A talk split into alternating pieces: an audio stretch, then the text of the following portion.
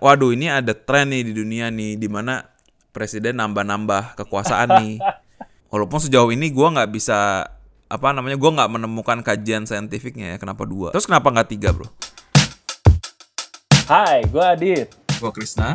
Kami adalah orang-orang yang sudah berkecimpung di bidang riset dan industri selama 17 tahun. Ah nggak siapa bro?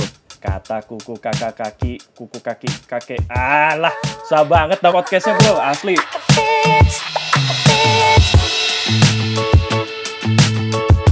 Halo semua, balik lagi bersama gua Krisna di Kataku Kakek Kakekku Podcast. Podcast yang walaupun namanya susah tapi mencoba menjelaskan hal terkini dengan mudah dan menyenangkan. Nah, hari ini gua mau bahas tentang hal yang sebenarnya lumayan penting sih, Oke. tentang politik nih. Wish. Dan lagi-lagi gua ditemani oleh sahabat lama Halo. Halo, halo, di halo. profesional, Wish. Halo guys, di apa kabar? Ah. oldies. Asik. Old friend. Kita udah sama-sama oldies sih. Adit. Yo, wadah. Selamat malam. Halo. Iya, apa kabar nih, Bro? Yo, baik, baik, baik, baik. Baik-baik. Baik Hmm, dong. kita gue jadi sebut di oldies bro karena kita ternyata udah tua juga memang Kalau dipikir-pikir iya juga sih, Bray.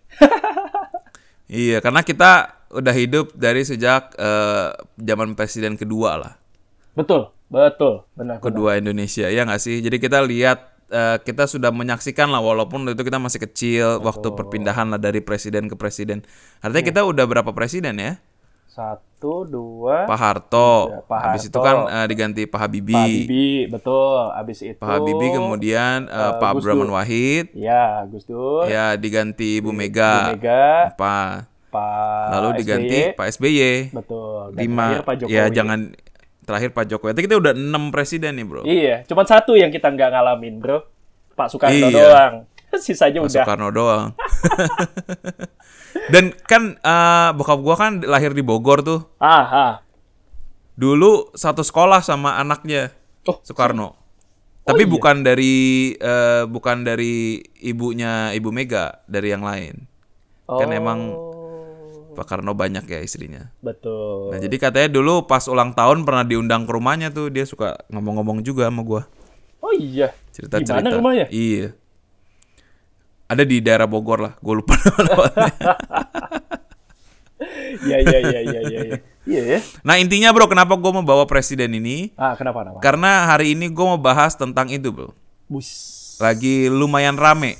Wah, ada apa nih? Dan sebenarnya lumayan ramenya itu karena gue salah paham sebetulnya.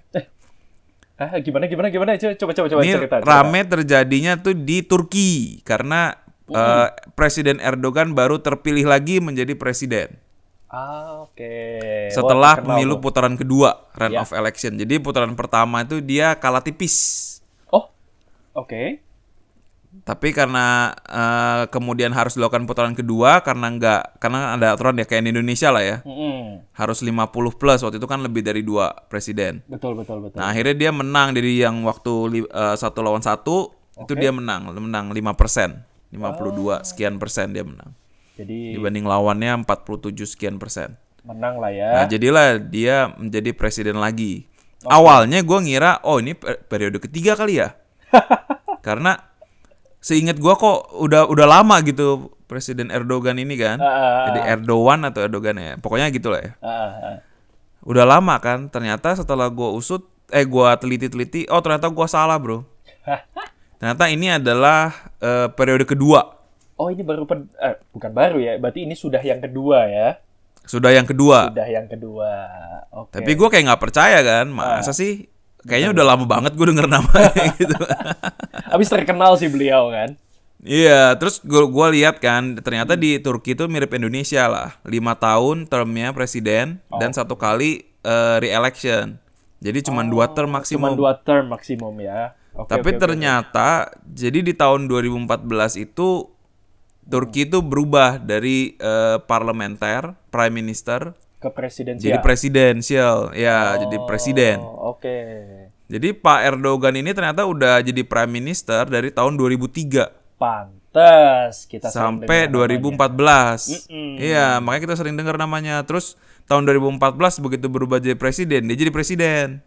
Uh, Oke. oke. Dan term pertamanya itu selesainya karena ini baru peralihan, maka term pertama tuh selesainya tahun ini. bagus berarti beliau ya. Iya, jadi sebenarnya dia udah berkuasa 20 tahun sebetulnya. Iya, betul. 2003 sampai 2023 kan gitu. Iya, dan secara legal dia masih bisa berkuasa untuk lima tahun ke depan. Betul, betul, betul. Walaupun ada di media ada kubu oposisinya udah mulai inilah, udah mulai kuat. Hmm. Ya, selalu begitu kan, Bro? Yang namanya politik Iya.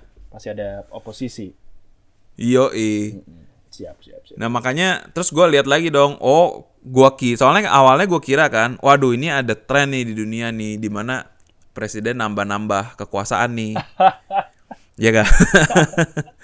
Wah. Karena iya. kan yang kita ya yang kita dengar sebelumnya kan presiden Cina kan, presiden Xi ya kan, Xi ya, Jinping. Xi Jinping. Betul. Ma- di mana eh, presidensi ini terpilih menjadi presiden lagi di eh, National Congress untuk yang ketiga kalinya, Hmm. ya kan? Jadi dia, iya sebenarnya eh, di soalnya di Cina itu agak beda lah dengan Indonesia ya. Indonesia tuh kan Betul. demokratisnya itu eh, pemilihannya langsung, Betul. Ya. jadi kita langsung coblos presiden yang kita presiden mau yang gitu. kita mau. Betul. Ya, kalau Cina tuh diwakili jadinya diwakilkan. Oleh DPR-nya gitu. sama ya kalau di sana disebutnya People's Congress lah. Oke. National People's Congress. Jadi dari dari CP ya dari Chinese Communist Party dari Parti Komunis Cina. Oke. Partai Komunis Cina kan dia kan single party kan negaranya kan cuma satu, satu party doang. Mm-mm. Jadi dari perwakilannya itu dipilih satu. Satu. Satu-satunya ya s- presidensi ini ya. Ya, presidensi ini. Tapi harusnya itu mereka juga sebetulnya ada larangan lebih dari dua. Oh. Memang ada secara di- ini iya. ya konstitusionalnya. Iya, sebenarnya ada nih. Dia jadi eh, sebelumnya emang nggak ada nih. Mm-mm, Dia sebelumnya nggak ada. Mm-mm. Nah, sampai tahun 1982 waktu itu tuh presidennya Deng Xiaoping Oke. itu sama dia dibuat eh, peraturan tuh consecutive term. Jadi tuh konsekutif kalau di dia agak bedanya cuma dua kali berturut-turut. Dua kali berturut-turut.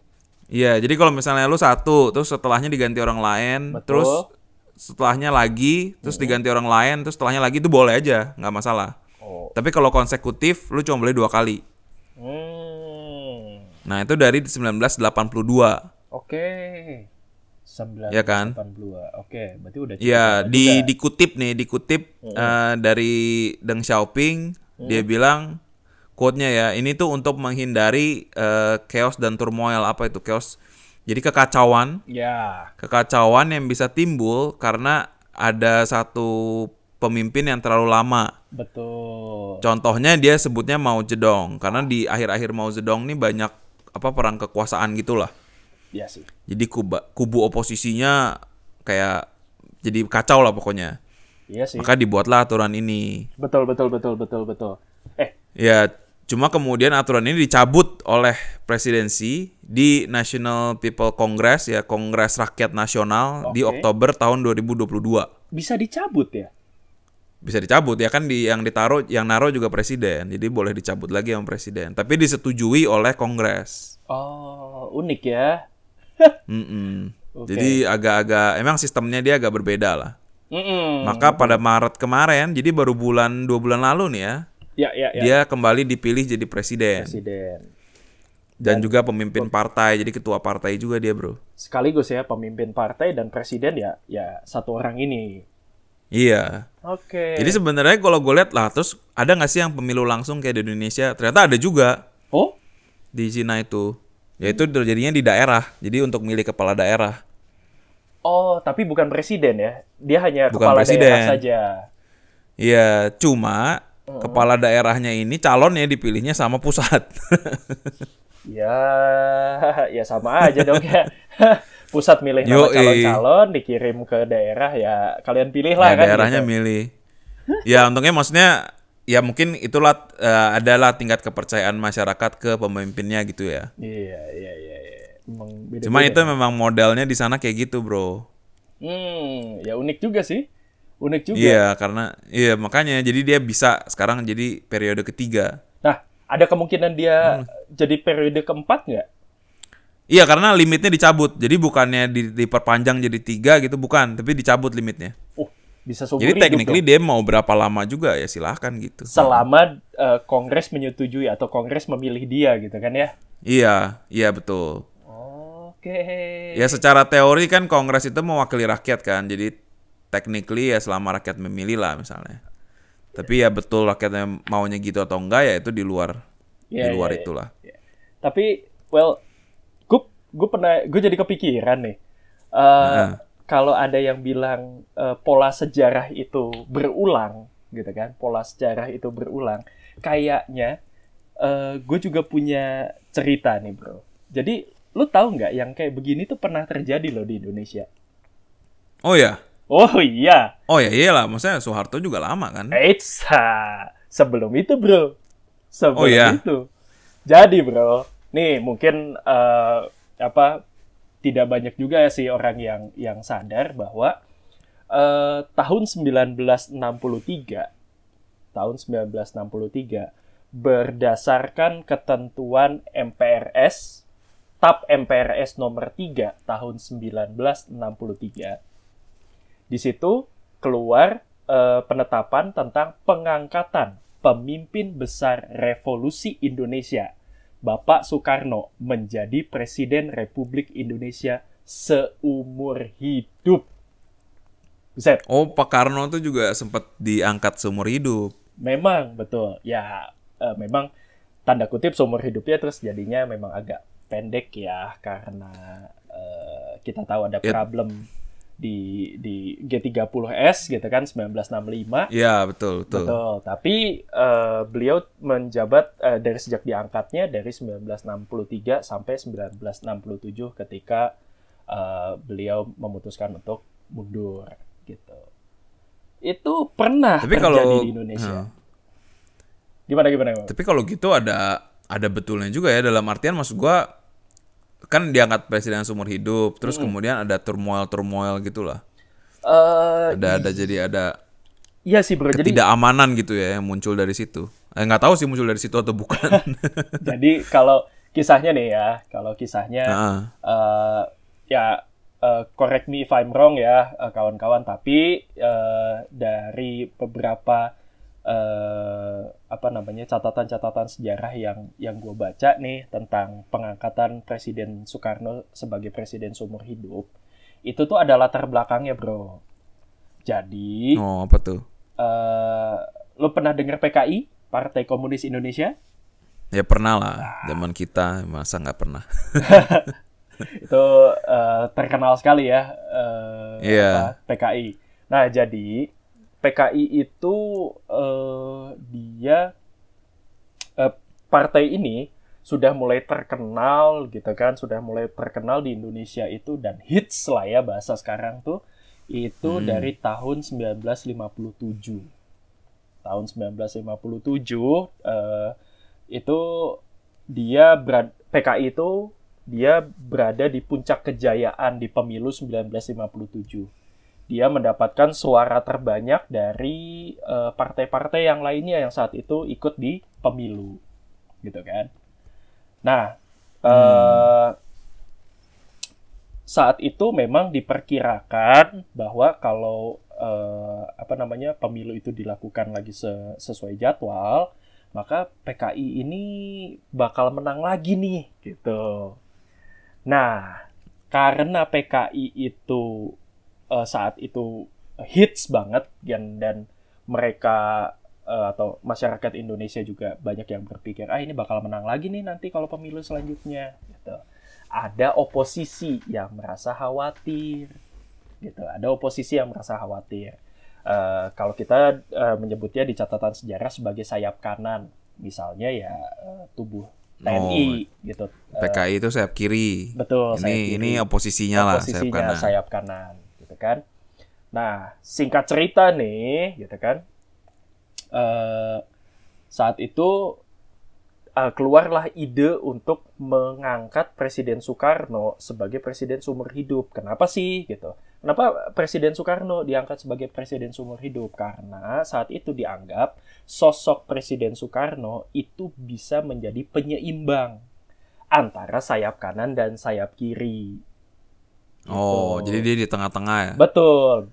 Eh, beliau bisa menyeimbangkan antara kita biar tidak terlalu kiri banget, tidak komunis Hmm. gitu kan, tapi juga tidak kanan banget gitu. Jadi beliau Oke. itu bisa menempatkan diri tepat di tengah-tengah. Nah, Oh, makanya kemudian diangkat jadi seumur hidup supaya Ya. betul.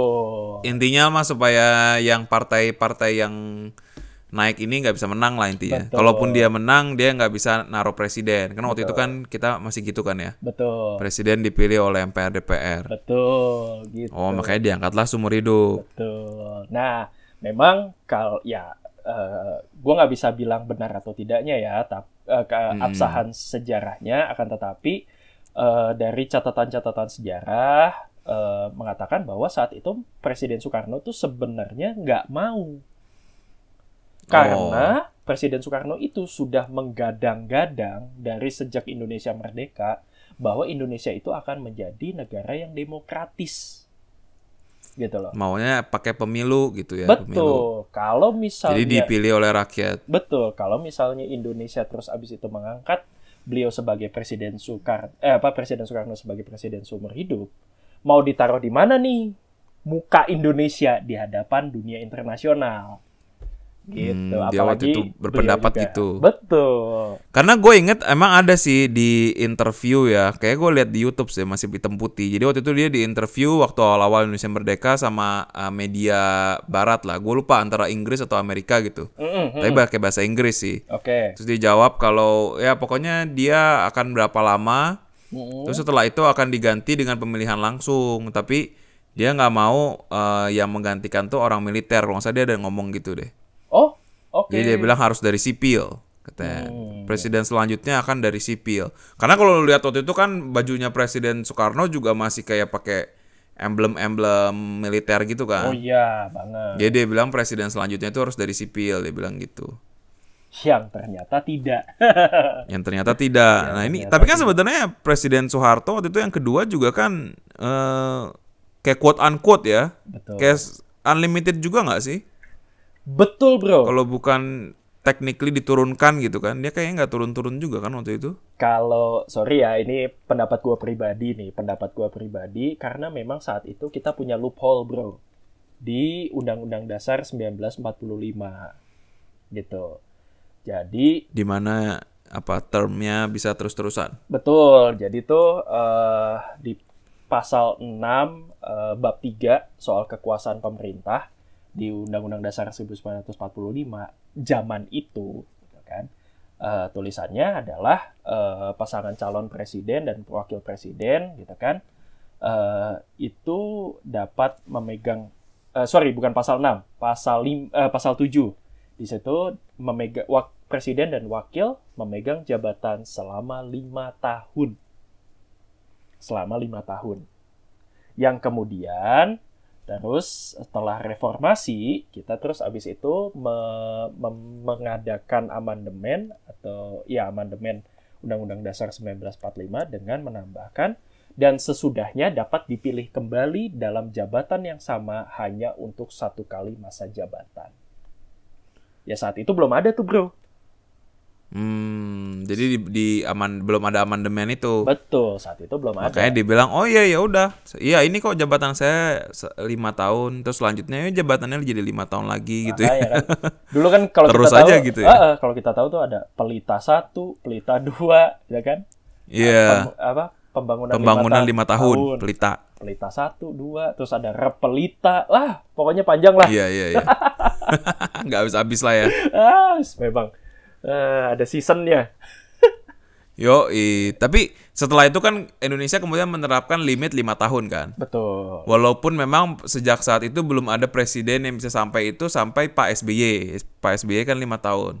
Mm-mm. Pak Susilo Bambang Yudhoyono kan dua kali lima tahun. Dua kali lima tahun. Kem- ya. Betul. Kemudian sekarang dilanjutkan oleh Pak Jokowi dua, kali lima tahun, juga gitu ya. Betul, betul, betul. Nah sebenarnya kenapa sih bro ya? Kenapa dua tahun ya? Eh dua kali. Eh iya dua tahun ya dua kali. Kenapa maksimalnya dua kali? Maksudnya Amerika juga kan dua kali. Tapi memang satu kalinya tuh empat tahun kalau mereka. Hmm, tapi sem- hampir semuanya ya banyak banyak negara di dunia Banyak. ini memilih dua kali ya. Ya gue gua cek nih, gue cek ada beberapa yang memang eh, jadi satu, ada yang jadi tiga kali, Mm-mm, mm. ada yang satu kali. Filipin contohnya, dia satu kali tapi enam tahun. Satu kali tapi enam tahun. Oke. Iya, dia jadi lebih lama, tapi cuma boleh satu kali. Oh unik juga. Oke. Ini juga lucu ya. dia ganti terus artinya kan? Iya betul ganti terus presiden. Iya kenapa hanya Iya. boleh dua kali? Padahal kalau lu lihat eh, satu lagi kan kalau lawannya presidensial itu kan parlementer ya. Iya iya. jadi di mana ketuanya tuh prime minister. Ah, ah, ah. Nah, kalau pre- kalau prime minister banyak yang unlimited, Bro. Memang banyak ada banyak term, ada lima tahun, ada tiga tahun, ada enam tahun, tapi rata-rata banyak yang unlimited. Hmm. Contohnya Singapura, Singapura, Singapura bahkan nggak ada term ya, pokoknya ya selama dia dipercaya sebagai ketua partai, Dia partainya partai yang berkuasa ya udah dia prime ministernya gitu. Oke. Jadi dia unlimited. Oke. Kalau kayak Jepang itu juga unlimited tapi fixed term, kalau nggak salah lima ta- empat tahun atau lima tahun gitu. Tapi ya boleh terus-terusan. Hmm. Oke, oke. Setahu gue Inggris juga gitu deh. Dia jadi ya selama dia jadi ketua partai dan di partai yang menang dia jadi prime minister. Tidak ada batas waktu ya. Tidak ada batas waktu. Tapi memang kan ada perbedaan substansif lah ya antara presiden dan prime minister kan. Betul, betul, betul. Betul. Dimana presiden tuh kayak gantinya raja. Ya, Kalau prime minister itu kayak wakilnya raja gitu kan. betul. Ya, meskipun ya nggak tahu ya kalau menurut gua pribadi eh, dari segi apa? Dari segi kekuasaan. Prakteknya. Eh, eh, segi dari segi kekuasaan. Prakteknya ya mungkin mirip-mirip sih. Mirip-mirip aja sih, gitu kan. Ya. Soalnya colek ya gua kurang tahu sih kalau pres- prime minister di tempat lain. Tapi kalau Inggris kan prime ministernya kayak seru gitu kalau pas lagi rapat kan. Kalau pas lu lihat di TV-TV gitu. Abis, sorry nih ya, tolong koreksi kalau gue salah lagi nih. Tapi kalau gue lihat keluarga kerajaan itu tidak lagi mem- memegang pemerintahan. Yang penting Iya, dia cuma negara jalan aja. simbolis. Iya, simbolis lah head of state. Jadi intinya kalau di Inggris Ya, ya, prime minister begitu terpilih, ya jadi yang ngangkat prime minister kan head of state. Dalam hal ini raja nih sekarang nih baru kan King Charles kan. iya, betul. Jadi dia harus menghadap ke raja atau ratu yang dulu Ratu Elizabeth, dia harus menghadap kemudian diangkat. Ya, Cuma ya mungkin memang nggak pernah ada kasus di mana ra- ratu tuh bilang "Oh, nggak mau nggak mau dia gitu, yang lain gitu nggak pernah sih. Ya mungkin ada tapi maksudnya zaman modern ini gitu ya, ya, ya, ya, ya, ya. zaman modern ini nggak ada. Tapi maksud gua kenapa ya dari di mana gitu asalnya dua tahun, dua eh dua tahun lagi lagi lagi dua term limit ini. Dari Nah, mana sejarahnya? ini ya? gua udah gua udah ubak-ubak nih bro. Aha, gimana gue gimana? udah riset-riset dikit lah. Oke, oke, oke, oke. Jadi ternyata term limit, jadi bukan dua kali tapi term limit itu pertama kali diterapkannya tuh zaman Romawi justru, Romawi kuno, Oh, udah lama. Roman Empire, kerajaan Romawi. Mm-mm. Jadi dia tuh cuma satu kali dalam satu term tertentu, beberapa tahun doang satu kali, Mm-mm. habis itu diganti. Nah yang ngerubah itu Julius Caesar. Oke. Jadi Julius Caesar tuh kan sebenarnya dari jenderal kan, Oh, Ya, betul. Tapi nih orang menang mulu nih. Dia ke sana menang, ke sini menang gitu kan. Sampai dia eh, bantu Cleopatra di Mesir menang gitu. Ya, ya. Jadi begitu balik dia diangkat jadi katakanlah waktu itu eh, presiden gitu. Jadi ketua. Ya. Terus dia dia diangkat lagi jadi disebutnya dictatorship. Oh. Jadi dia jadi head of jadi kayak presiden banget gitu. Pemimpin tertinggi. Pemimpin tertinggi. Jadi dia berhak untuk merubah. Akhirnya dia rubah. Oke. dia rubah jadi ya pokoknya selama dia mau aja selama quote unquote dia masih didukung oleh senat gitu kan seumur hidup lah jadinya Selama dia di ternyata bener tuh bro seumur hidup Iya, benar. karena terakhirnya dia ditusuk kan sama orang senat kan Benar-benar di sampai di Sampai titik dia nggak di meninggoy. Ah, di titik dia tidak lagi didukung. iya ya udah setelah Julius Caesar itu yang selanjutnya selanjutnya itu juga jadi dictatorship karena udah dicontohin lah intinya Iya, iya, iya, iya. iya. nah kemudian mulai diterapkan lagi itu dia mulai di Florence di Italia Oke. Di- ada dua kali term limit dan kemudian diadopsi di Prancis. sejak Pran- revolusi Prancis, sejak Prancis jadi republik kan. Oh, Oke. iya. Diterapkan di sana sampai diubah lagi oleh Napoleon Ya. di perang eh, Betul. karena di perang, waktu perang apa sih sebutnya perang Prancis Inggris itu ya. Ya. Mm-mm. Pokoknya di Napoleon ini dia kan mengukuhkan diri sebagai king, Sebagai king. Betul. ya King of France. Betul. Ya. Itu kan. Maka dia kemudian eh, nggak ada term limit ini. nah, konsep term limit ini dibawa ke Amerika Hmm. sejak Amerika keluar dari British, dari dari jajahan eh, jadi sejak merdeka lah. Ya. Kan waktu sebelum merdeka dia head of state-nya itu ya king sama queen kan. Tetap koloni Inggris kan dia. Tetap koloni Inggris, tapi setelah merdeka kan mereka harus um, gua harus punya sendiri nih, makanya jadi presiden kan. Betul. Nah, kemudian diterapkanlah dua kali term limit. Jadi sebenarnya nggak ada kajian saintifik gitu, Bro. Kenapa sih dua kali gitu? Iya juga. Betul, betul, betul, betul. Jadi nggak ada nggak ada yang apa sih doktrinnya gitu loh. Doktrinnya itu misalnya ada ajaran Konfusius bahwa dua Ya. kali bolehnya, kalau tiga kali jelek gitu, nggak feng shui-nya nggak bagus itu nggak ada sebetulnya. Emang nggak ada. Problemnya kan gini, lu sama gua kita berdua kan eh, scientific people ya. Pastinya kita akan mencari Iya, iya. acuan kan gitu. Reference-nya apa sih gitu kan. Tapi Yoi, kalau makanya itu politik yang ini itu gue kan cari-cari. fluid.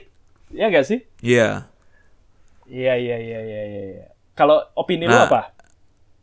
Kalau menurut gua sih kenapa satu kali kenapa nggak satu kali aja? Oke. Karena ya jelas kecepetan sih menurut gua. Oh, Kecuali termnya dipanjangin. Mungkin kalau kayak Filipin kan jadi enam tahun. Oke. Mungkin kalau di Indonesia misalnya 8 tahun gitu misalnya. Misalnya ya. Ah, ah, ah, ah, ah, ah. Tapi 8 tahun satu kali artinya kan pemilunya tiap 8 tahun tuh. Oke. Kalau tiba-tiba di tengah di tahun kedua jadi nggak suka kelamaan, Bro. Lu kebayang nggak sih? Ingat gak di sebelumnya kan kita ngomong soal George Santos tuh yang Iya, dia bohong di CV-nya. Betul, betul, betul, betul. Kebayang nggak kalau dia 8 tahun kayak gitu kan nggak bisa diturunin lagi kan? Ya Mantap. bisa di impeach sih, tapi di impeach kalau presiden yang nggak mundur jadi berpanjangan itu. Iya juga. Makanya, nah kalau kenapa nggak tiga kali atau empat kali gitu? Kalau menurut gua karena kepanjangan kalau tiga kali. Kepanjangan. Oke. Karena ini lo tau nggak sih yang eh, second term curse ada yang istilah kayak gitu? Gue pernah dengar tuh. Dimana presiden tuh kalau di tahun kedua biasa popularitasnya terjun bebas. Karena mereka nothing tulus. Ya. betul, betul, betul, betul. Iya nggak sih? Ah, ah. Nah kalau itu dirubah jadi tiga kali, artinya bisa lebih parah sih menurut gua karena di tahun ketiga, di tahun kedua dia bisa prepare untuk di tahun ketiganya dia ambil cuan habis-habisan gitu. Hmm. Karena lo kebayang kalau di Indonesia 15 tahun ya. Iya. Kalau dia masuk jadi presiden umur 60, pas keluar umur 75 kan bro. Betul. Betul. Itu kronismnya itu bisa parah di tahun terakhir. Betul. Di samping Makanya- juga kondisinya mungkin dalam usia 75 tahun kemampuan baik kognitif maupun fisikal udah mulai agak dipertanyakan tuh. Bisa jadi juga karena ini kan memang kerjaan yang super demanding ya. Oh, jelas. yang kalau berhasil disalahin, yang kalau salah wah hancur-hancuran lah. Pokoknya serba salah lah. Kayak oposisi pasti nyalahin lah. Oh, udah, oposisi nggak mungkin dukung lah. Namanya juga oposisi gitu juga kan. posisi. Iya, Iya. bener juga sih. Eh, well, Karena ada istilah Ah. kalau dibuat ya kalau kenapa kenapa termnya nggak dibuat unlimited gitu kan. ah, gimana gimana? gimana? Karena ada istilah tuh katanya the only people who can profit from system is the one running it. Jadi orang yang bisa ngambil keuntungan dari sebuah sistem, Hmm. mau itu presidensial, mau itu parlemen sebetulnya ya. Ah, ah, ah, Itu orang yang menjalankan sistem tersebut gitu. nggak salah. Mm-mm, makanya King itu kalau lu lihat sejarah kayak di Eropa gitu atau di Asia juga kan Jepang atau Korea biasanya kan kalau King apa raja-raja ratu gitu kalau lu nonton uh, apa Game of Thrones juga kan biasanya anaknya suka rada-rada gimana gitu kan Ya ya ya. rada-rada ya. sableng gitu Betul betul. itu karena kelamaan berkuasa itu karena saking stresnya terus dia punya unlimited power gitu kan Mm-mm. Ya, Nah mungkin nggak bagus sih makanya kalau gue pribadi gue nggak setuju ya gue gue merasa dua term itu pas sih pas banget Yang pasti memang segitu ya. Eh, eh, menurut prib- opini gue lah Oh iya iya iya iya. Walaupun sejauh ini gua nggak bisa apa namanya gua nggak menemukan kajian saintifiknya ya kenapa dua. Eh, iya juga sih, tapi gimana ya? Balik lagi, mu- Kalau menurut lu gimana? wa- pikiran gue mungkin mungkin nggak bisa lepas dari scientific ya, bro ya. Eh, Mm-mm. kalau eh, kan sebuah undang, apalagi kalau kita ngomong Indonesia ya, Undang-Undang Dasar Republik Indonesia itu eh, hanya bisa diamandemen ketika ya semua semua MPR DPR itu eh, berpikir ya memang harus di di di amandemen. Nah, kembali ke masalah eh, term ini, kalau gue berpikirnya harusnya sih bisa fluid ya, harusnya bisa fluid atau minimal eh, mempunyai dasar yang scientific. Contoh, misalnya nih dari eh, statistik berapa tahun ke belakang gitu kan eh, diketahui bahwa yang namanya eh, apa program-program pemerintah itu tuh dalam satu kali term lima tahun kadang-kadang belum belum bisa autopilot misalnya oke misalnya dalam dua tahun pertama sosialisasi terus dua tahun kedua eh, itu adalah masa implementasi eh harusnya dua Oh. tahun itu masa evaluasi gitu tapi baru kena di satu tahun ya kan Heeh, heeh. Nah, yang yang kita sama-sama nggak nggak bisa tutup adalah yang namanya oposisi dimanapun oposisi itu. Misalnya lu jadi pemimpin, oke, apapun ya Mm-mm. pemimpinnya, gua oposisi lu. Begitu lu lengser, yang pertama kali gua lakukan adalah undo your work. Oh ya jadi Betul ya? kalau misalnya dia bukan ada di tahap yang udah terimplementasi Nah. dan terlihat keuntungannya, dia bisa gampang diubah. Betul. Nah, itu. Sedangkan kalau memang sudah mengakar gitu kan sebuah program Mm-mm. itu sudah mengakar, kan akan susah untuk dicabutnya. Ya kan? Analoginya kalau lu nanam eh, tanaman yang kecil yang akarnya belum tumbuh keras ya cabut-cabut aja gitu. Tapi kalau lu nyambut pohon pasti susah. Kalau sudah mengakar banget banget kan susah banget dicabut. Jadi ini maksud lo kenapa nggak satu gitu ya? Betul. Kenapa nggak satu?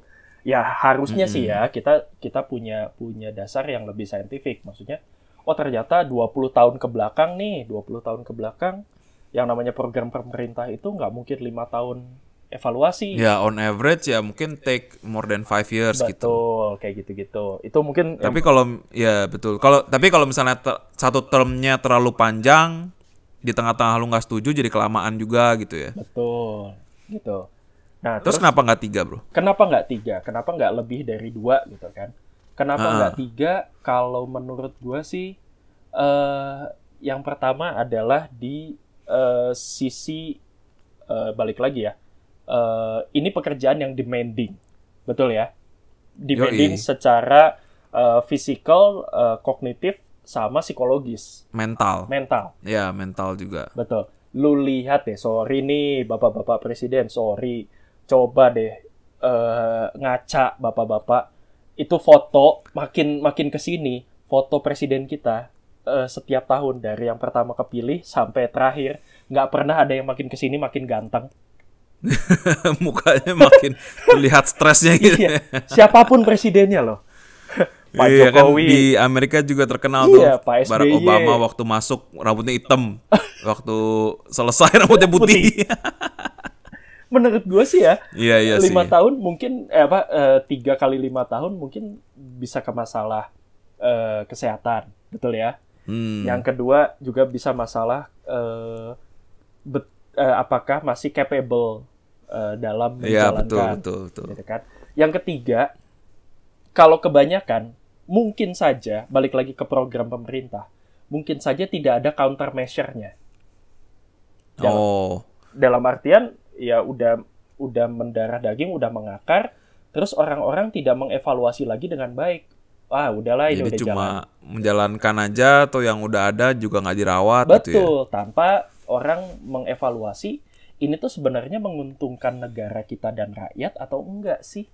Hmm, yang biasanya dilakukan memang oleh presiden baru mengevaluasi yang presiden sebelumnya gitu ya. Betul, gitu. Oh ya betul juga itu ada make sense make sense that's good that's good. Jadi kenapa mungkin dua kali aja cukup gitu ya? Betul, betul, betul, betul.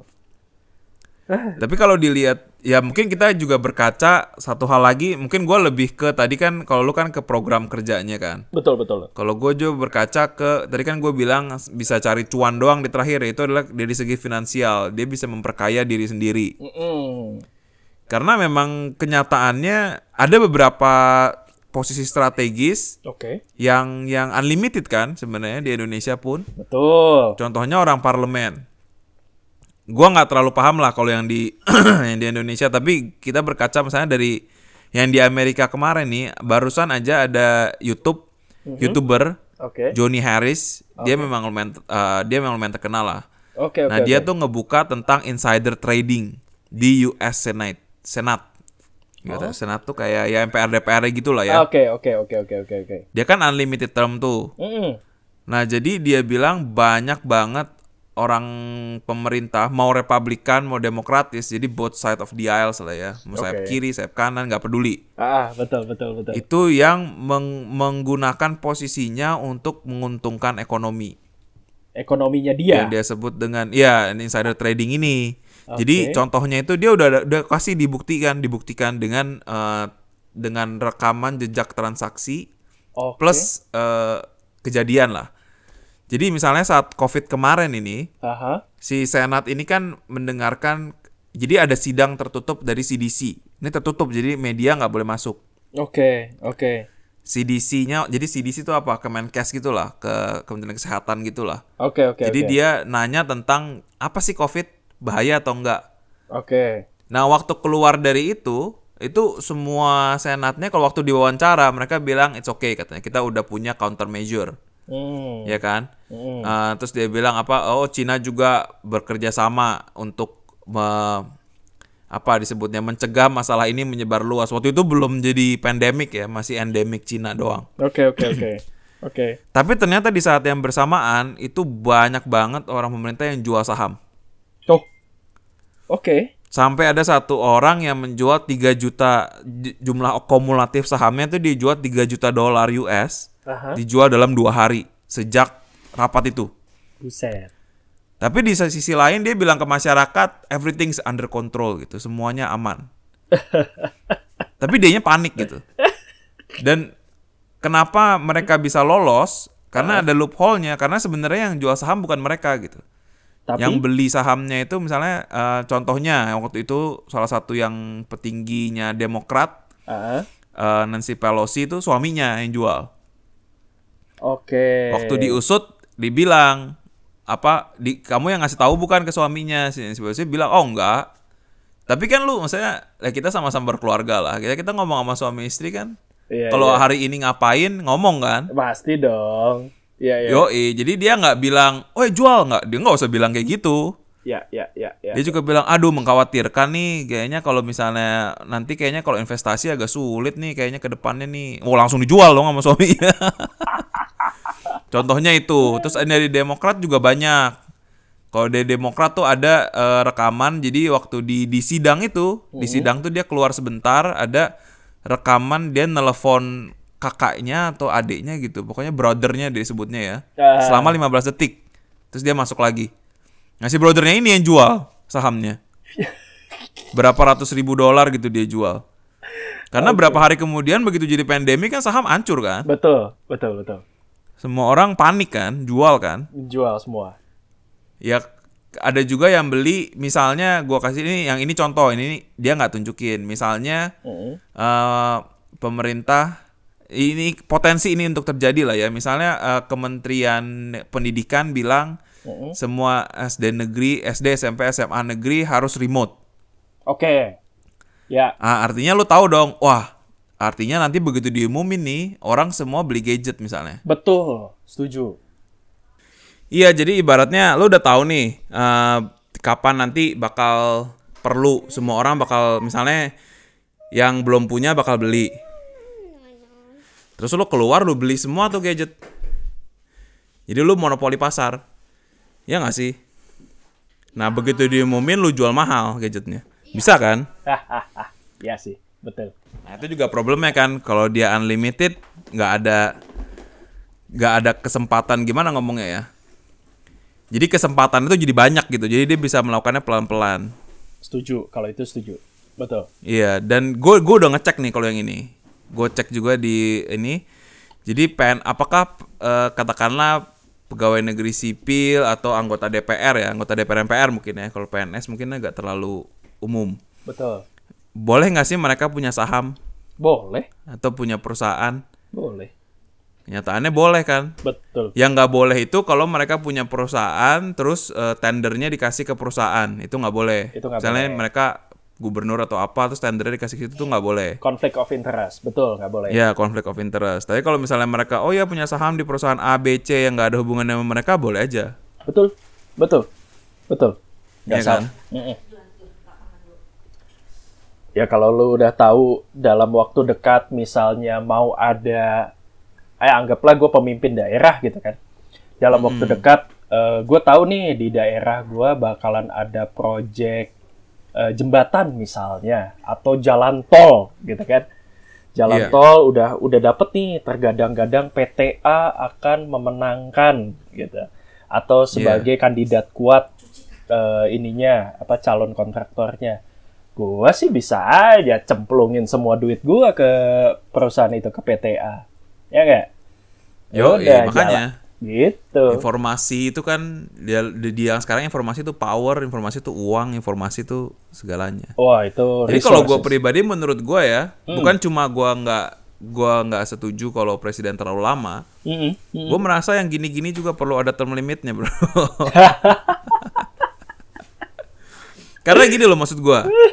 Begitu diganti, oke kalau diganti sama temennya sendiri, mungkin dia masih agak aman lah ya. Kalau dia melakukan sebuah tindak yang sebenarnya korupsi tapi bukan korupsi gitu kan, sebenarnya itu kan kayak gray area gitu kan. Eh, iya, iya, Tapi iya. kalau tiba-tiba posisi dia diganti oposisinya, dia bisa diubek-ubek dong.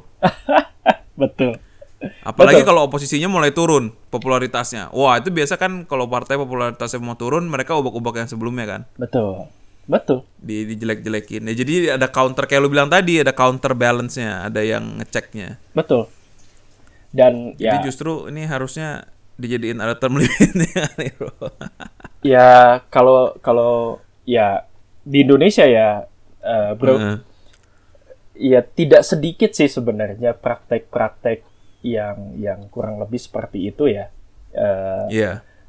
maksudnya eh, pemimpin daerah bahkan ya gue beberapa kali lah ya ketemu misalnya eh, beliau tadinya adalah bupati gitu. bupati periode perpa- pertama terus jadi bupati periode kedua gitu di periode kedua tuh dia udah setting udah setting bro anaknya dia di DPRD Oh iya. Oh, Iya. tapi masuknya justru ke eh, legislatif, Nah, ah, jadi udah- bukan ke eksekutif lagi. Kalau eksekutif lagi mungkin ketahuan kali. udah udah jalan nih, udah jalan, anaknya jadi DPRD, eh, s- apa sepupunya jadi apa kayak gitu-gitu, gitu kan. Hmm. Begitu term keduanya selesai, tek apa yang dilakukan dia running ke provinsi. Dari bupati Oh. naik ke atas ke gubernur atau Iya, wakil gubernur. iya. Setidaknya kalau misalnya pun tidak, gitu kan, tidak dia nggak sampai di situ, setidaknya dia masih punya ada DPRD, bisa jadi DPRD atau ya minimal anaknya masih DPRD, gitu kan, atau Iya. keponakannya jadi apa kayak gitu gitu. Well, gue pernah lihat sih yang kayak gitu. Kayak gue Yang itu Iya, yang ya." lu lagi terjadi. lu lagi gitu. Kok lu lagi lu lagi? tapi makanya ya jadi intinya memang emang harus ada check and recheck gitu lah. harus ada limit dari kekuasaan bukan kekuasaannya harus ada limit tapi harus ada ma- durasi lah menurut gua itu lebih baik Betul. Betul. Ya, balik lagi sih. sejujurnya termasuk kalau di akademik ini mungkin ada waktunya pre- profesor-profesor ini juga harus ada term limit nih. Iya. Nggak ada ya. karena pensiun kan agak double standard sih kalau di akademia Oh, oke. Eh banyak lah gue tahu profesor gue yang harusnya udah udah lewat dari masa pensiunnya tapi dia masih jadi adjunct lecturer. Oke. Ya cuman tapi cuma nama doang, maksudnya dosen luar biasa. Jadi tak technically kan harusnya dosen luar biasa dia nggak punya apa-apa kan. Betul, betul, betul. Maksudnya dia ngajar aja tugasnya kan. Iya. Tapi dia adjunct lecturer tapi masih punya lab gitu. Oh. Masih punya murid ya ada juga lah. Di akademia juga kayak gitu. Itu juga harus ada term limitnya tuh harusnya. Nah, kalau di dunia profesional nggak ada tuh yang begitu. umur Ya, 56 kalau di perusahaan selesai. begitu pensiun ya pensiun gitu ya. pensiun, pensiun, udah selesai. Ah, Kecuali habis pensiun diangkat jadi komisaris. hmm, ya.